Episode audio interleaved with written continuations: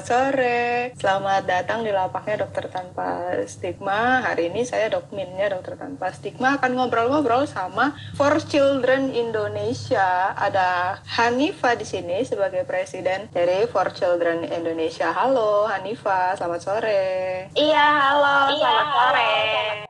Hanifa, silakan memperkenalkan diri dulu ya eh, tentang kamu dan memperkenalkan juga For Children Indonesia. Silahkan. Jadi, perkenalkan nama aku Hanifa Febriliani. Kebetulan aku menjabat sebagai presiden presiden presiden presiden Indonesia ini di tahun 2020. Terus untuk presiden itu sendiri akan suatu NGO atau kita biasa nyebutnya LSM. Itu didirikannya itu tahun 2015 dan di awal tahun 2015 itu kita masih isunya masih satu isunya masih satu tentang bullying. Nah, kita nambah isunya dua itu, dua lagi yaitu tentang kesehatan mental dan kekerasan seksual itu di, di akhir tahun 2019. Oke, em, aku tanya dulu ya. Awal pertama kalinya kamu bergabung itu kapan dan kenapa kamu tertarik untuk gabung di For Children Indonesia ini? Awalnya aku itu gabung di tahun 2018 dan motivasi aku untuk gabung adalah karena isu Fortnite ini relate banget sama kehidupan aku. Jadi aku pernah menjadi korban bullying dari SD sampai kuliah. Dan ini tuh menurut dan ini tuh kayak wah ini cocok nih sama apa yang aku alami. dan juga aku ingin supaya bullying ini tuh bisa diminimalisasi kasusnya. Karena merasakan bullying tuh bener-bener gak enak ya kan? sedih muak terus gak tahu lagi harus gimana akhirnya aku pikir tuh harus terlibat nih berkontribusi buat meminimalisasi bullying ini. gimana ya caranya gimana ya aku cari ini sih ada nggak ya yang tentang bahas uh, bullying? Ternyata ada. ya udah aku join. Hmm, oke oke. Kamu join tahun 2018 ya. Berarti itu kira-kira For Children masih baru berusia tiga tahun ya waktu itu ya. Terus tahun 2020 ini kamu langsung naik jabatan sebagai presiden ya. Keren. Oke. Nah, Hanifah, boleh nggak diceritain dari sekian banyak isu permasalahan soal anak-anak Indonesia yang masih menjadi PR, bukan hanya PR pemerintah ya, tapi PR kita semua. Kenapa For Children berfokus pada tiga isu yang kamu sebutin tadi itu? Bullying, kekerasan seksual, dan kesehatan mental anak. Kenapa eh, itu yang dipilih? Awalnya justru aja kan, terus kenapa memutuskan untuk mengembangkan kedua isu yang lain? Jadi gini, awal untuk bullying itu sendiri ya, itu sendiri ya, awal mula banget. Ini itu juga dilatar belakangi oleh pengalaman founder Confident itu sendiri, yang pernah mengalami bullying semasa sekolahnya. Itu pertama. Terus yang kedua, kebetulan banget nih di tahun 2015 itu kasus bullying itu lagi meningkat banget, meningkat pesat. Jadi di tahun 2011 sampai tahun 2014 itu jumlah kasus bullying itu ada sekitar 369 kasus. Nah, di tahun 2015 itu meningkat jadi 478 kasus. Berarti ini kasusnya lagi banyak-banyaknya. Akhirnya dipilihlah kasus itu. Terus kalau kekerasan seksual itu juga sama sebenarnya. Alasan pertama dilatar belakangi oleh pengalaman founder dari Foundation. Tapi kebetulan lagi ini kita berdasarkan data ya, itu di tahun 2000 dari 2000 tentang 2017 sampai 2019. Ini 2019 ini kasusnya benar-benar marak. Ada sekitar 350 kasus. Sebelumnya di tahun 2018 itu ada sekitar 206 kasus 2018. Terus 2017-nya itu ada sekitar 81 kasus itu berdasarkan data dari Lembaga Perlindungan Saksi dan Korban. Dan ini tuh benar-benar ini meningkatnya pesat banget ya kan dari 200 ya 206 langsung 350 dan ini dialami oleh anak-anak gitu yang lebih miris banget miris. Nah dan terakhir kalau kesehatan mental itu sendiri ini kebetulan isu yang ini uh, aku yang mengusulkan. Aku yang mengusulkan. Mengapa aku mengusulkan Mengapa ini? Aku mengusulkan? Karena ada kaitannya dari bullying itu sendiri. Ya kan? Jadi kan kalau ya orang jadi kan kalau anak nih. Anak anak dikena anak dikena. menjadi korban bullying. korban bullying. Pasti dia itu pasti kan dia mengalami kan luka batin ya? Tuh. Entah dia apa ya? trauma depresi dan macam-macam yang lainnya. Ini tuh ada contoh kasus tuh ada kan? tahun 2019 itu ada salah satu siswa sekolah dasar di Grobogan Hubungan Jawa Tengah itu dia mengalami bullying verbal dan fisik dan dan berakibat ke depresi. Dia ini sampai nggak bisa sekolah lagi. Terus dia juga terus harus juga dirawat harus dirawat intensif di rumah sakit. Di rumah. Jadi menurutku kayak menurutku ya ada kaitannya ya, dari bullying dari bullying dari bullying dan kesehatan mental itu ada apa ya ada keterkaitannya lah. Oke okay, oke. Okay. Jadi ini awalnya dari hanya bullying aja dan berawal dari pengalaman pribadi si founder dari For Children ini ya. ya Terus benar. ditambahkan yang kekerasan seksual. Dan jadi awalnya sebenarnya dua isu ini lalu kamu menambahkan lagi kesehatan mental karena kamu merasa bahwa itu adalah akibat langsung dari kedua masalah yang uh, diusung ini ya bullying bullying sama kekerasan seksual ini ya. Iya benar. Jadi ada kaitan ada Nah, aku tuh tertarik banget sama tadi ada kamu menyebutkan soal bullying verbal dan bullying fisik. Nah, kamu bisa jelasin dulu teman-teman yang mungkin wah ternyata ada bullying verbal, bullying fisik, apakah ada jenis bullying yang lain juga? Mungkin sekarang juga mulai merambah bullying kan sudah kerana cyber ya. Nah, uh, Hanifah tolong jelasin dulu. Bullying itu sebenarnya yang seperti apa? Dan ada berapa macam sih jenis-jenis bullying? Jadi kalau Jadi, menurut aku ya, menurut aku itu ya, simple ini bullying itu interaksi yang negatif ya kan? Jadi iya. nggak mungkin ini interaksi dua orang atau lebih deh. Nggak mungkin kan kalau dia diri sendiri. ini dia biasanya itu interaksi dua orang yang lebih sifatnya negatif terus juga sifatnya itu seperti kayak mengintimidasi satu pihak. jadi pihak ini dianggap lemah lemah korek oleh si pelaku gitu ya. nah tindakannya itu bisa macam-macam. kayak tadi kan ada verbal. ini salah satunya. Kalau verbal itu lebih kayak ngata-ngatain aja? ngatain aja? misalkan kayak simpel. uh, ah lu terlalu kurus terlalu terlalu gemuk. tapi ngata-ngatanya terus menerus. bener-bener kayak bener-bener kayak aja bullying itu bedanya sama ngata-ngatain biasa tuh ini dia tuh continue terus. selain tadi verbal ada juga fisik. fisik itu ya main kayak mukul. terus ada juga merampas barang orang lain gitu. orang lain orang barangnya dia dirampas kayak gitu gitu terus kalau tadi udah verbal, fisik, ada juga namanya uh, cyberbullying ya kan. Nah, cyberbullying. Ini juga lagi benar-benar kayak ngehits ngetren juga lah gitu kan. Sekarang di media sosial kan banyak kayak di, kita bisa lihat di kolom komentar itu banyak saling ngejudge satu sama lain, bilang bilang bilang itu. Ini juga ini juga termasuk dalam bullying karena ngata-ngatain kan. Bedanya kalau verbal itu biasanya dia secara face to face lainnya kalau cyberbullying lewat media sosial gitu. Yang paling umum sih tiga itu dari tiga itu jenis bullying itu. Jadi aku mungkin sambil merangkum ya dari yang kamu jelasin tadi bahwa bullying ini perbedaannya dengan sekedar bercanda atau interaksi yang lucu-lucuan karena kan banyak ya anak-anak tuh yang kalau misalkan udah ditegur karena dia membuli temannya itu terus mereka selalu bilangnya ah kan cuma bercanda. Terus nanti korbannya di victim blaming dengan kata-kata oh baper aja sih cuma digituin doang kok kayak gitu loh. Nah perbedaan dari cuma sekedar ngata-ngatain yang lucu-lucuan bercanda-bercanda itu adalah bahwa bullying ini berpola. Dia hmm, terus menerus ya. Jadi ya, ada satu ya, ada satu ketimpangan hubungan relasi antara si A dengan si B antara pelaku dengan korban meskipun sama-sama istilahnya teman satu kelas gitu ya usianya hmm. sama hmm. berada di satu kelas yang sama tapi yang satu ada ada sisi superiornya dibanding yang lainnya gitu ya. Nah, ya, aku jadi tertarik aku banget nyebutnya ini, ya, ya. ini aku nyebutnya aku nyebutnya apa power apa, imbalance power aku nyebutnya. imbalance aku nyebutnya. Ada hmm, ketidakseimbangan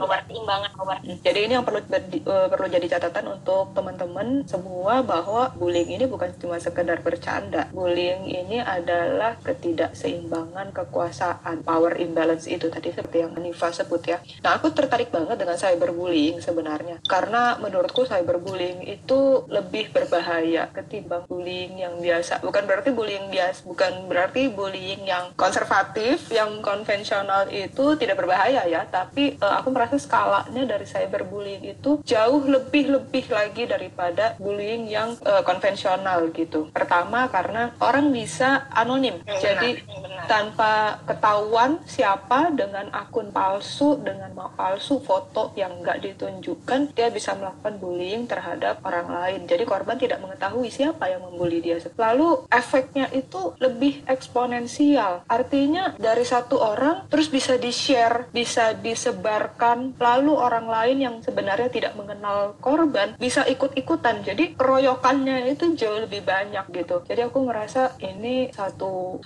isu yang benar-benar harus uh, kita peduliin banget gitu. Kita harus benar-benar concern dengan hal ini. Apakah for children juga uh, ikut maksudnya apakah cyberbullying ini masuk di dalam uh, apa yang menjadi keprihatinan for children? Iya benar. benar. Kita itu Jadi, pernah ngelaksanain seminar juga ya seminar tema cyberbullying.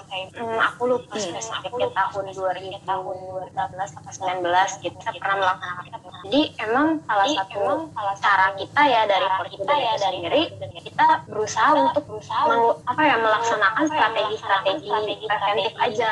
Jadi kayak jadi sosialisasi, jadi sosialisasi, edukasi, kayak gitu-gitu terus kita share-share informasi di media sosial. Dan itu yang kita laksanain, kita lakuin untuk mencegah dari cyberbullying dari diri. Soalnya emang kan lagi benar kata kakak tadi kan. Emang lagi banyak dan seserem itu bahkan kayak banyak fake account gitu kan buat ngata-ngatain atau gimana. Terus abis itu tuh yang akun itu hilang. Oke oke. Nah uh, sekarang jadi kita bisa beranjak ke pertanyaan berikutnya nih soal strategi. Karena kamu tadi udah menyebut ya. Jadi strategi dari For Children Indonesia hanya preventif saja atau memang ada strategi lain? Misalkan pendamping pendampingan atau pendampingan korban atau edukasi ke sekolah atau ke pelaku bullying gitu. Karena kan sering kali disebut bahwa pelaku bullying itu ya sebenarnya dia juga punya permasalahan psikologis sendiri yang butuh pendampingan sebenarnya. Bukan hanya membutuhkan hukuman saja tetapi lebih tepatnya rehabilitasi gitu. Jadi tidak hanya membuat dia jerah tapi juga ada pendampingan-pendampingan psikologisnya supaya dia tidak mengulangi hal itu lagi gitu. Yang dilakukan oleh For Children uh, apa strateginya? Uh, tadi kan kita uh, tadi kan kita preventif pertama. Terus kita juga tadi ada ngadain uh, kita ada ngadain edukasi juga Kak ke sekolah-sekolah. Ini udah apa ya kita pernah coba sih waktu itu. Masih ada emang kalau ke sekolah itu sekolah itu hambatan ya karena mungkin mengajukan ke sananya ada prosedurnya terus juga menyesuaikan dengan jadwal anak-anak supaya mereka nggak terganggu dan nggak memotong jadwal mereka. atau jadi mereka pulangnya agak lama itu banyak sih untuk edukasi. kita edukasi ada kok. sebenarnya ya kak ini bocoran sedikit.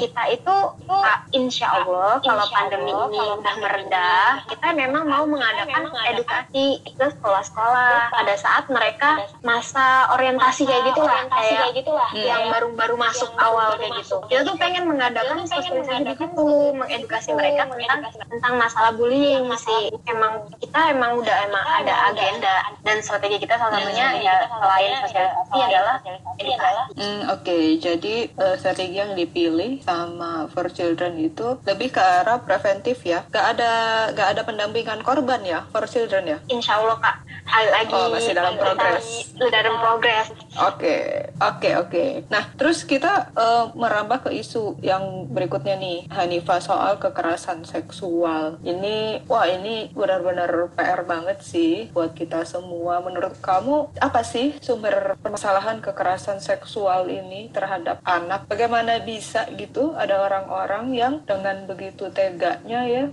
melakukan bukan hanya sekedar pelecehan ya, tapi uh, bahkan kan sudah terhitung sebagai perkosaan gitu makanya disebut sebagai kekerasan seksual gitu pada anak-anak yang tidak bisa melawan tidak berani melawan. Nah menurut kamu isu terbesarnya itu sebenarnya apa sih? Permasalahannya tuh apa sih yang uh, mau coba diatasi oleh soal kekerasan seksual ini? Hmm, pertama kita tuh lebih pengen mengedukasi dulu anak-anak dan masyarakat dan masyarakat umum.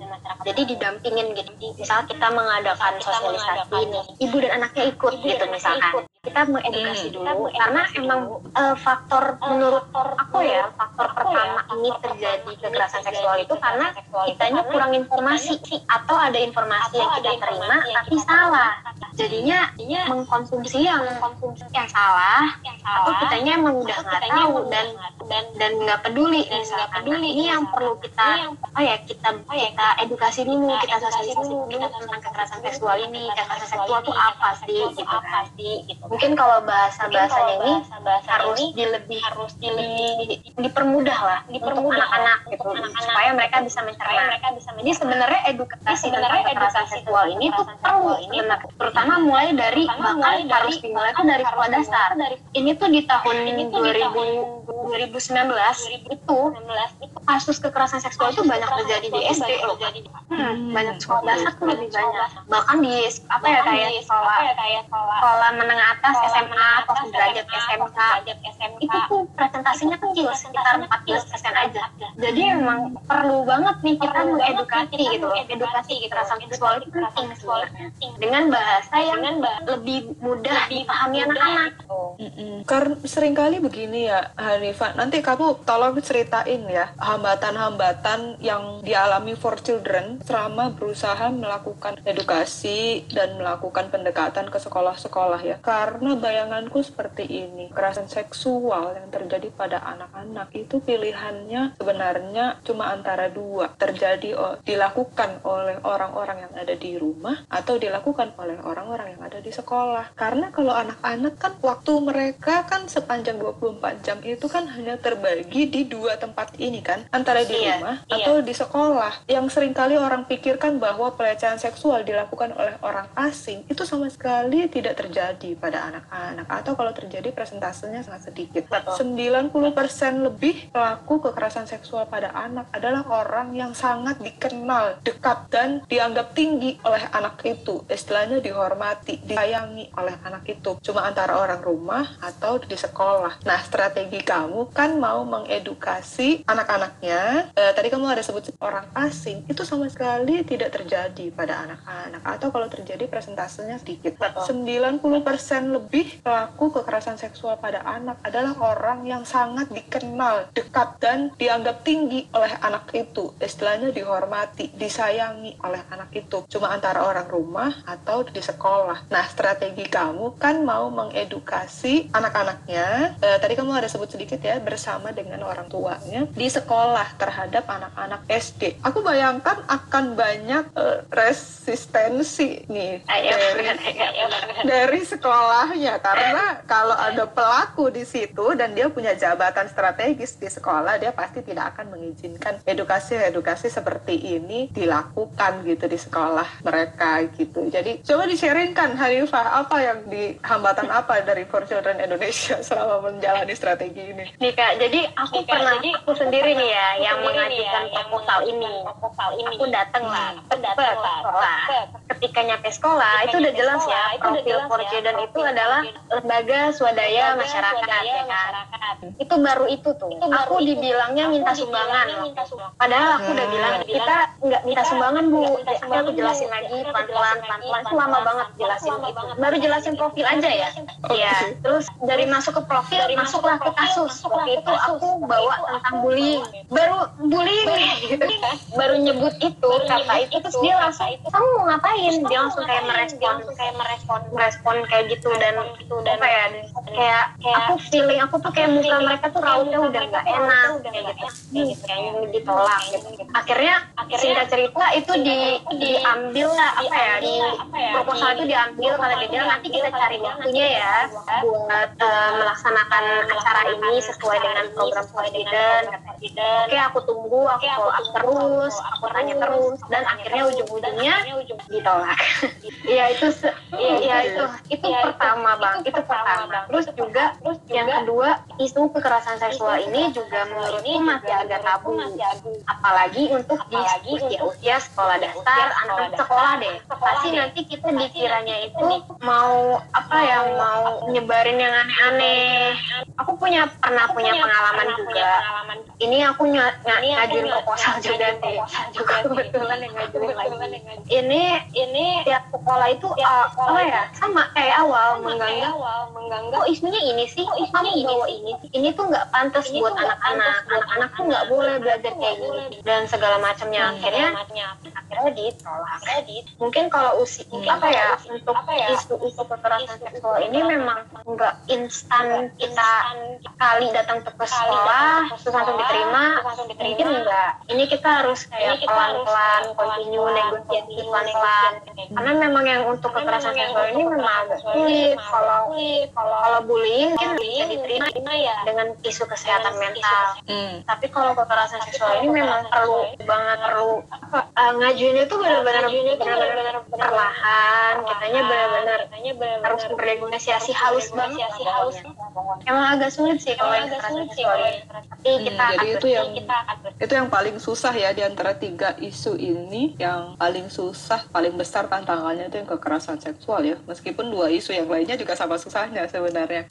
Tapi tapi dari segala hambatan yang selama ini udah kalian hadapi ada kisah keberhasilan kah? Berapa banyak sekolah banyak yang sudah berhasil teredukasi atau kalian ada kerjasama kah? Misalkan dengan dengan apa sih Kementerian Pendidikan atau dinas pendidikan setempat? Atau ada kerjasama dengan apa? Aku lihat sih kalau di Instagram ada kerjasama sama UN bener apa enggak tuh? Aku cuma lihat fotonya aja sih di awal-awal. Sama United Nation. Coba diceritain kisah keberhasilannya. Kalau keberhasilan itu itu udah bisa. Sebenarnya awalnya itu kan kita emang kita tuh di karena founder kita tuh tinggalnya di Cianjur. jadi melaksanakan di sana. Itu di sana itu udah di Cianjur itu ada tentang survei melakukan survei untuk mengetahui tentang bullying di salah satu sekolah Kabupaten Cianjur. Jadi kita pengen tahu nih anak-anak di sana tahu nggak sih tentang bullying? gitu bullying? itu apa sih? Kadang mereka kan kadang mereka nggak tahu namanya bullying. padahal tindakannya mereka tahu. apa yang termasuk dalam bullying? kayak gitu. itu itu pernah kita laksanakan. itu di tahun 2017 terus kayak yang lainnya kita banyak banget ya di Instagram juga ada. kita udah ngelaksanain kayak sosialisasi edukasi. itu dari tahun 2016 16, 17, 18, 19 bahkan nih yang belum lama ini ini baru banget kita laksanain bulan April kemarin. Itu hmm. kita melaksanain tentang online online group sharing. Hmm. temanya tentang efektivitas pembelajaran jarak jauh yang dipertanyakan nah ini kita lebih kita isu kesehatan mental. karena memang kita banyak banget. sebelumnya kita cari data dulu dan dari data itu kita lihat memang banyak ada keluhan-keluhan dari anak-anak dari pembelajaran jarak jauh itu banyak banget keluhan dari mereka kayak mereka ngerasa stres atau pusing banget tugas mulu dan segala macam. akhirnya kita adakanlah online group sharing ini online group sharing ini. Jadi kita mau wadahin mereka. apa ya kira-kira apa sih yang bikin bikin bikin mereka tuh merasa pembelajaran jarak jauh ini berat? apa aja sih kendala-kendalanya kendala-kendalanya? Nah ini juga data ini yang kita dapat itu nanti juga akan kita proses. jadi ada selain mereka bisa curhat gitu kan. Kita mewadahi mereka buat ngobrol buat ngomong tapi di sini juga kita di sini datanya gitu jadi kita bisa kayak melakukan sesuatu dari keluhan-keluhan mereka Oke, jadi ini salah satu isu yang ternyata muncul nih selama pandemi ya terhadap anak-anak sekolah. Selama ini mungkin orang-orang dan media lebih banyak berfokus pada orang-orang kerja, orang-orang dewasa ya, dan mereka from home. Ternyata dengan akhirnya pun ada isu-isu kesehatan mental yang perlu diperhatikan ya. Nah, uh, ada informasi informasi nggak uh, Hanifa dari teman-teman anggota For Children tentang anak-anak apakah masih tetap mengalami bullying dan kekerasan seksual selama pandemi ini uh, atau jadi lebih berkurang atau justru jadi bertambah gitu? Karena kalau misalkan teman-teman yang work from home itu mereka mengatakan bahwa ternyata kekerasan seksual justru bertambah atau kekerasan yang lainnya kekerasan dalam rumah tangga terus ke kekerasan eh pelecehan seksualnya itu berpindah ya berganti tipenya berubah jadi online. Nah itu dari teman-teman for children gimana? Apakah anak-anak yang study at home juga kurang lebih merasakan mengalami kejadian yang sama seperti ini. Bullying cyberbullying jadi makin tinggi atau kekerasan seksual jadi semakin meningkat atau lebih sering gitu karena mungkin kadang-kadang pelaku ada di rumah tuh. Terus sebenarnya masa-masa ketika anak-anak itu pergi ke sekolah itu adalah masa-masa mereka bisa terbebas sebentar dari si pelaku. Tapi kan sekarang karena mereka study at home jadi 24 jam nih mungkin bisa terjadi berada dalam satu rumah bersama pelaku gitu. For children udah punya data atau belum? Kalau yang kekerasan seksual itu aku udah kebetulan kebetulan kami sih kita semua itu udah datanya. ternyata memang meningkat kekerasan seksual selama mereka lagi pembelajaran jarak jauh. ini tapi kita lagi masih mendalami nih. itu baru kayak kita tahu angka apa ya atasnya aja. Kita mau coba kita mau coba ngedalemin nih. Dalam yang kayak gimana dan gimana pasien berapa ini kita lagi cari. ini juga apa ya aku juga melihat ini nggak sengaja waktu itu. di di media sosial gitu. Media sosial ada melihat pemberitaan tentang ini. lalu aku bawa lalu aku bawa semua ini kita kira-kira gimana nih? dan ini masih lagi proses kita dalami proses kita tapi memang meningkat kasusnya di pembelajaran jarak jauh ini. Pembelajaran jarak jauh ini. makanya kayak beban sih menurutku buat anak-anak. buat mereka selain mereka juga selain mereka juga tugas gas dan mereka juga terpapar kekerasan seksual itu di rumah. Di rumah hmm. dan ini aku menduga kalau anak-anak itu kesulitannya adalah karena mereka kesulitan untuk melaporkan ya mengadu ya. Itu bener apa enggak? Kalau orang dewasa aja itu sering kayak aduh kalau gua ngelapor ntar gua kerjaan gue gimana gitu ya. Kalau anak-anak tuh aku rasa ketakutannya itu akan lebih gitu. Jadi mereka jauh lebih nggak berani untuk melaporkan. Menurut Hanifah gimana? Benar gak sih kecurigaanku ini? Bener kak, bener banget. Bener kak, bener banget. Jadi aku ada Jadi, satu aku kasus nih kak. Ini terjadi di Jakarta. Ini terjadi di Jakarta, ya. Jakarta. Jakarta. Jadi, Jadi anak ini mendapatkan ini kekerasan seksual, tapi bukan dari keluarganya, dari gurunya gitu. Gurunya. Aku nyebutnya guru. guru. Dari gurunya dan dia ini tuh diem aja, gitu. diem aja. Gitu. Sampai akhirnya orang tuanya yang melihat sendiri loh, kok ini kamu berdarah terus? Dan itu baru diketahuin. Jadi memang benar kak. kalau untuk anak-anak ini memang mereka agak sulit untuk agak sulit buat ngomong gitu. Beda sama kita yang mungkin udah dewasa gitu. kan atau anak remaja mereka lebih berani kalau anak-anak tuh lebih takut karena pertama dia juga mungkin nggak paham. nggak paham. kalau itu mereka itu di lecehkan terus juga mereka terus takut. juga mereka takut. Biasanya pelaku tuh ngancam kamu jangan bilang-bilang ya. gitu. nanti kalau kamu bilang-bilang kamu nggak aman. atau nggak aman. Kalau kamu bilang-bilang nanti uh, kamu nggak dikasih uang jajan kayak gitu. Kayak gitu itu anak-anak jadi takut sebenarnya. kira mereka nggak mau. Kira mereka nggak mau. Jadi kalau ke anak-anak itu istilahnya itu kerumitannya kompleksitasnya ini jauh lebih banyak ini. Udahlah dari mereka itu tidak mengerti bahwa apa yang terjadi pada mereka itu adalah suatu kejahatan terus tidak didukung oleh orang-orang sekitarnya. Terus pelaku ini dengan jauh lebih mudahnya ya mengancam mengancam korban, mengancam anak-anak ini gitu. Istilahnya cuma sekedar nanti dimarahin mama loh. Padahal cuma kayak gitu doang, tapi mereka udah nggak berani gitu ya. Jadi jadi lebih-lebih banget nih. Nah, Hanifah biasa ini kan karena For Children tidak mengadakan layanan pendampingan ya. Jadi tidak ada psikolog ya. Lalu kalau misalkan For Children menerima laporan itu biasanya diarahkan ke mana? Ada kerjasama kah dengan apa LBH atau LSM atau yayasan psikologi atau gimana? Kita tuh pernah ya ada pernah ya, DM aku, DM aku. Dia bilang kalau dia bilang ada melaporkan ada tindakan kekerasan seksual yang dilakukan oleh orang tuanya gitu kan.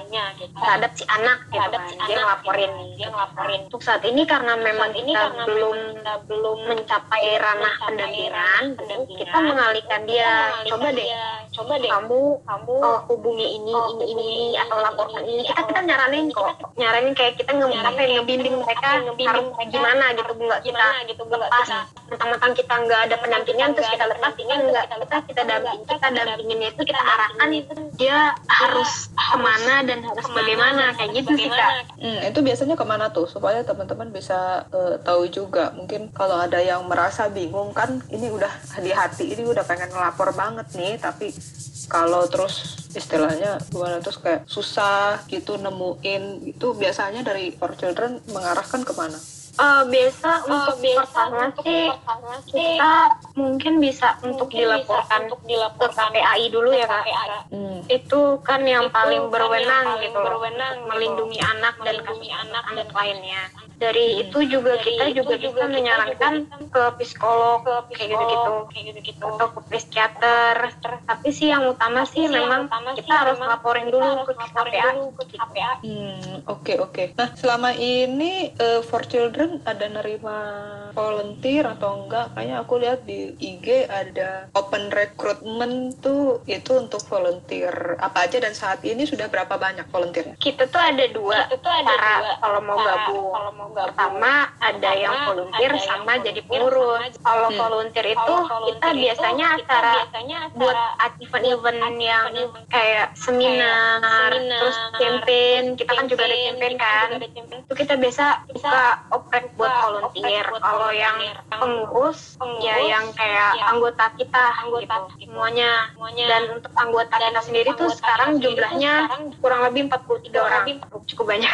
43 orang itu apa? Pengurus ya yang iya pengurus pengurus. Oh oke okay, oke. Okay, nah terus aku tuh ada ngeliat juga tuh di Instagram. Ini menurut aku menarik banget ya. Salah satu strategi kalian yaitu ada kegiatan jalan-jalan ya kalau nggak salah waktu itu ke Nepal. Apa ke mana tuh? Aku sih ngeliat di Instagram tuh kayaknya udah sekali apa dua kali itu dilakukan. Itu uh, apa tuh pemikiran dan pertimbangan di balik itu tuh? Itu jalan-jalan ya? jalan-jalan. Iya itu benar itu benar, itu benar, benar. itu jadi sekalian juga kak sebenarnya itu sekalian juga kita melihat anak-anak di sana gitu kayak di sana kan hmm. banyak kayak perbedaan gitu loh kak. Di sana tuh ada di sana tuh kalau nggak aku nggak salah ya. Itu ada mana ya waktu itu ya? Nepal seringnya kak hmm. itu ada kayak satu sekolah. itu di mana sekolah itu tuh sangat menjunjung toleransi. Jadi ada berbagai macam kayak agama atau kepercayaan gitu di sana. Dan mereka tuh saling bertoleransi gitu saling menghormati kayak gitu gitu jadi ini gitu juga sekalian kita juga kita juga sama. nggak melupakan jalan-jalan ya jalan-jalan. tapi kita juga ada misi gitu loh. Misi gitu balik lagi mensosialisasikan tentang itu juga. dengan isu kita tapi waktu itu karena waktu itu isunya masih satu jadi hanya bullying hanya bullying hmm, jadi dimaksudkan untuk kayak studi banding gitu ya? Hmm, iya semacam itu. Hmm, iya semacam itu.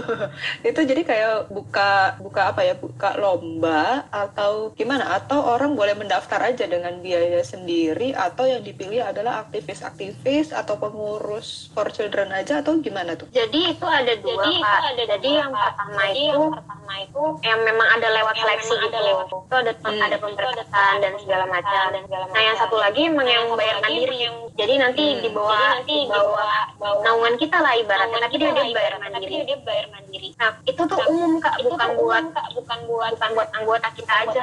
hmm. jadi di jadi di semuanya bisa ikut. semuanya paling kalau ya pengurus kita pun kalau memang mau ikut ya harus mengikuti prosedur itu gitu.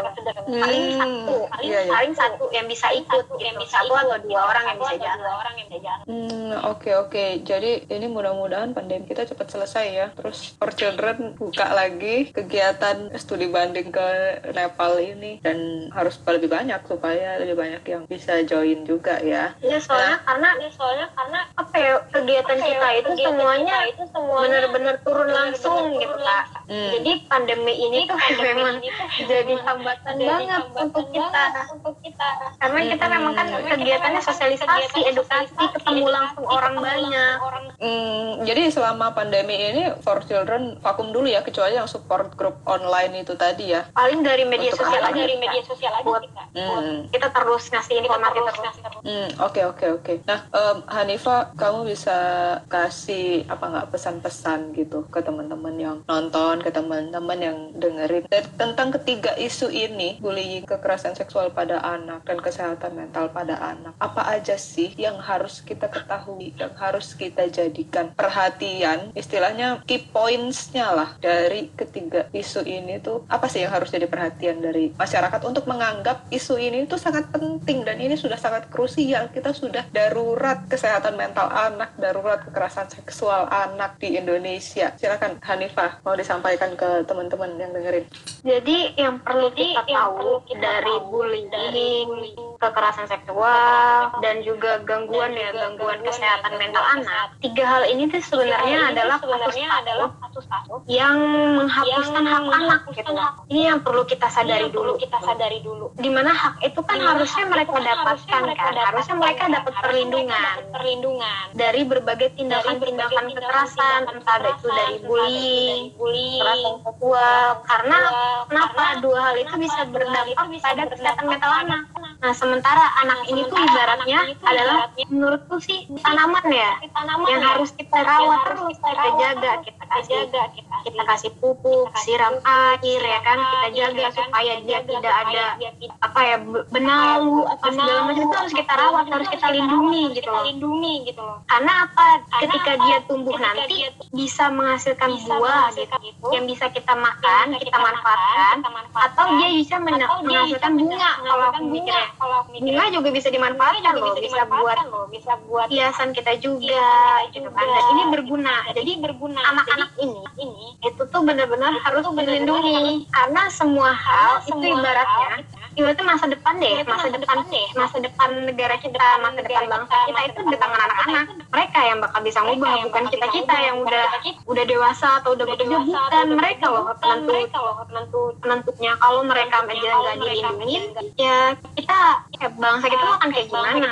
menurutku sih gitu. Jadi emang hak anak itu harus diperjuangkan dan dilindungi dan dilindungi tentunya. Hmm, sering kali ini yang dianggap sepele ya bahkan mungkin dianggap tidak ada. Atau mungkin malah banyak orang yang nggak tahu sebenarnya hak-hak anak tuh apa aja bahwa hak-hak anak ini juga punya hak-hak asasi gitu ya. Karena dikiranya ala masih kecil tahu apa gitu kan. Jadi dianggapnya nggak penting tidak mempunyai kontribusi terhadap lingkungannya terhadap keluarganya gitu. Dianggapnya bawel dianggapnya nakal. Terus uh, semua hak-haknya itu diabaikan. Padahal anak-anak pun punya hak yang harus dihormati ya. Oke okay. Hanifah ada lagi kah yang mau kamu tambahin tentang for children. Mungkin ada yang aku lupa. Biar aku cek dulu apakah ada teman bertanya. Oke. Okay. nah Hanifah terakhir. Kalau misalkan mau bergabung di for children gimana? Untuk jadi volunteer atau untuk jadi pengurus? Kapan lagi buka open recruitmentnya? Atau kalau cuma sekedar mau ikut bantu kalau pas lagi ada kegiatan edukasi ke sekolah? Teman-teman bisa bergabung lewat mana? Harus menghubungi siapa? Pokoknya pantengin aja pokoknya pantengin media aja. sosial kita media sosial. kita akan buka oprek volunteer dan kayak gitu. pasti kita share kok di Instagram. tapi kalau untuk kepengurusan belum lah ya.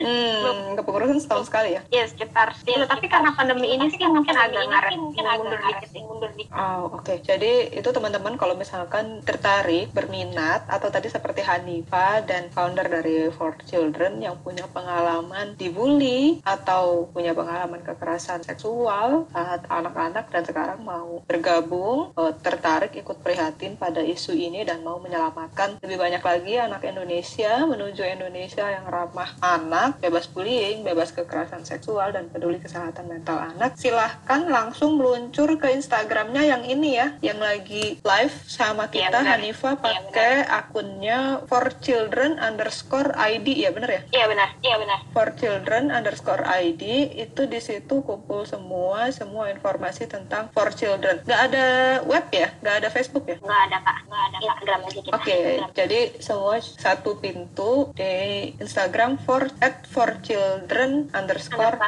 ID silahkan langsung join langsung follow supaya tahu informasi-informasinya di situ. Oke okay. Hanifa thank you. Terima kasih banyak untuk sharing-sharingnya. Ini mudah-mudahan pandemi ini cepat selesai ya jadi for children bisa segera bergerak iya udah kangen banget iya, nih ketemu anak-anak untuk sosialisasi lagi aku doakan semoga nggak ada lagi ya sekolah-sekolah yang mempersulit atau menghambat upaya-upaya edukasi kalian uh, tentang bullying dan kekerasan seksual kesehatan mental ini. Mudah-mudahan sekolah benar-benar jadi tempat untuk belajar lah belajar apa pun lah. Nggak perlu harus dibatas-batasin kan sebenarnya. Tidak perlu harus dikotak-kotakkan bahwa yang ini tidak boleh dipelajari oleh anak-anak. Itu kan tentang bagaimana kita mengkomunikasikannya kepada anak-anak buktinya. Anak-anak nggak diajarin nggak dikasih tahu justru malah banyak kasusnya. Tadi kan cari tahu sendiri tahu sendiri. Iya karena mereka cari tahu sendiri. Terus yang eh, tempat cari tahunya adalah akun-akun hoax gitu kan yang lewat Google. Jadi aku berterima kasih banget sama For Children sebagai uh, eh, NGO yang peduli sama isu ini. Kita butuh lebih banyak lagi uh, eh, NGO seperti For Children supaya lebih cepat lagi nih kita nyampe nya lebih banyak lagi anak-anak Indonesia yang bisa diselamatkan dari permasalahan-permasalahan ini dan suatu hari nanti udahlah nggak ada lagi ya Indonesia bebas dari bullying dan kekerasan seksual pada anak.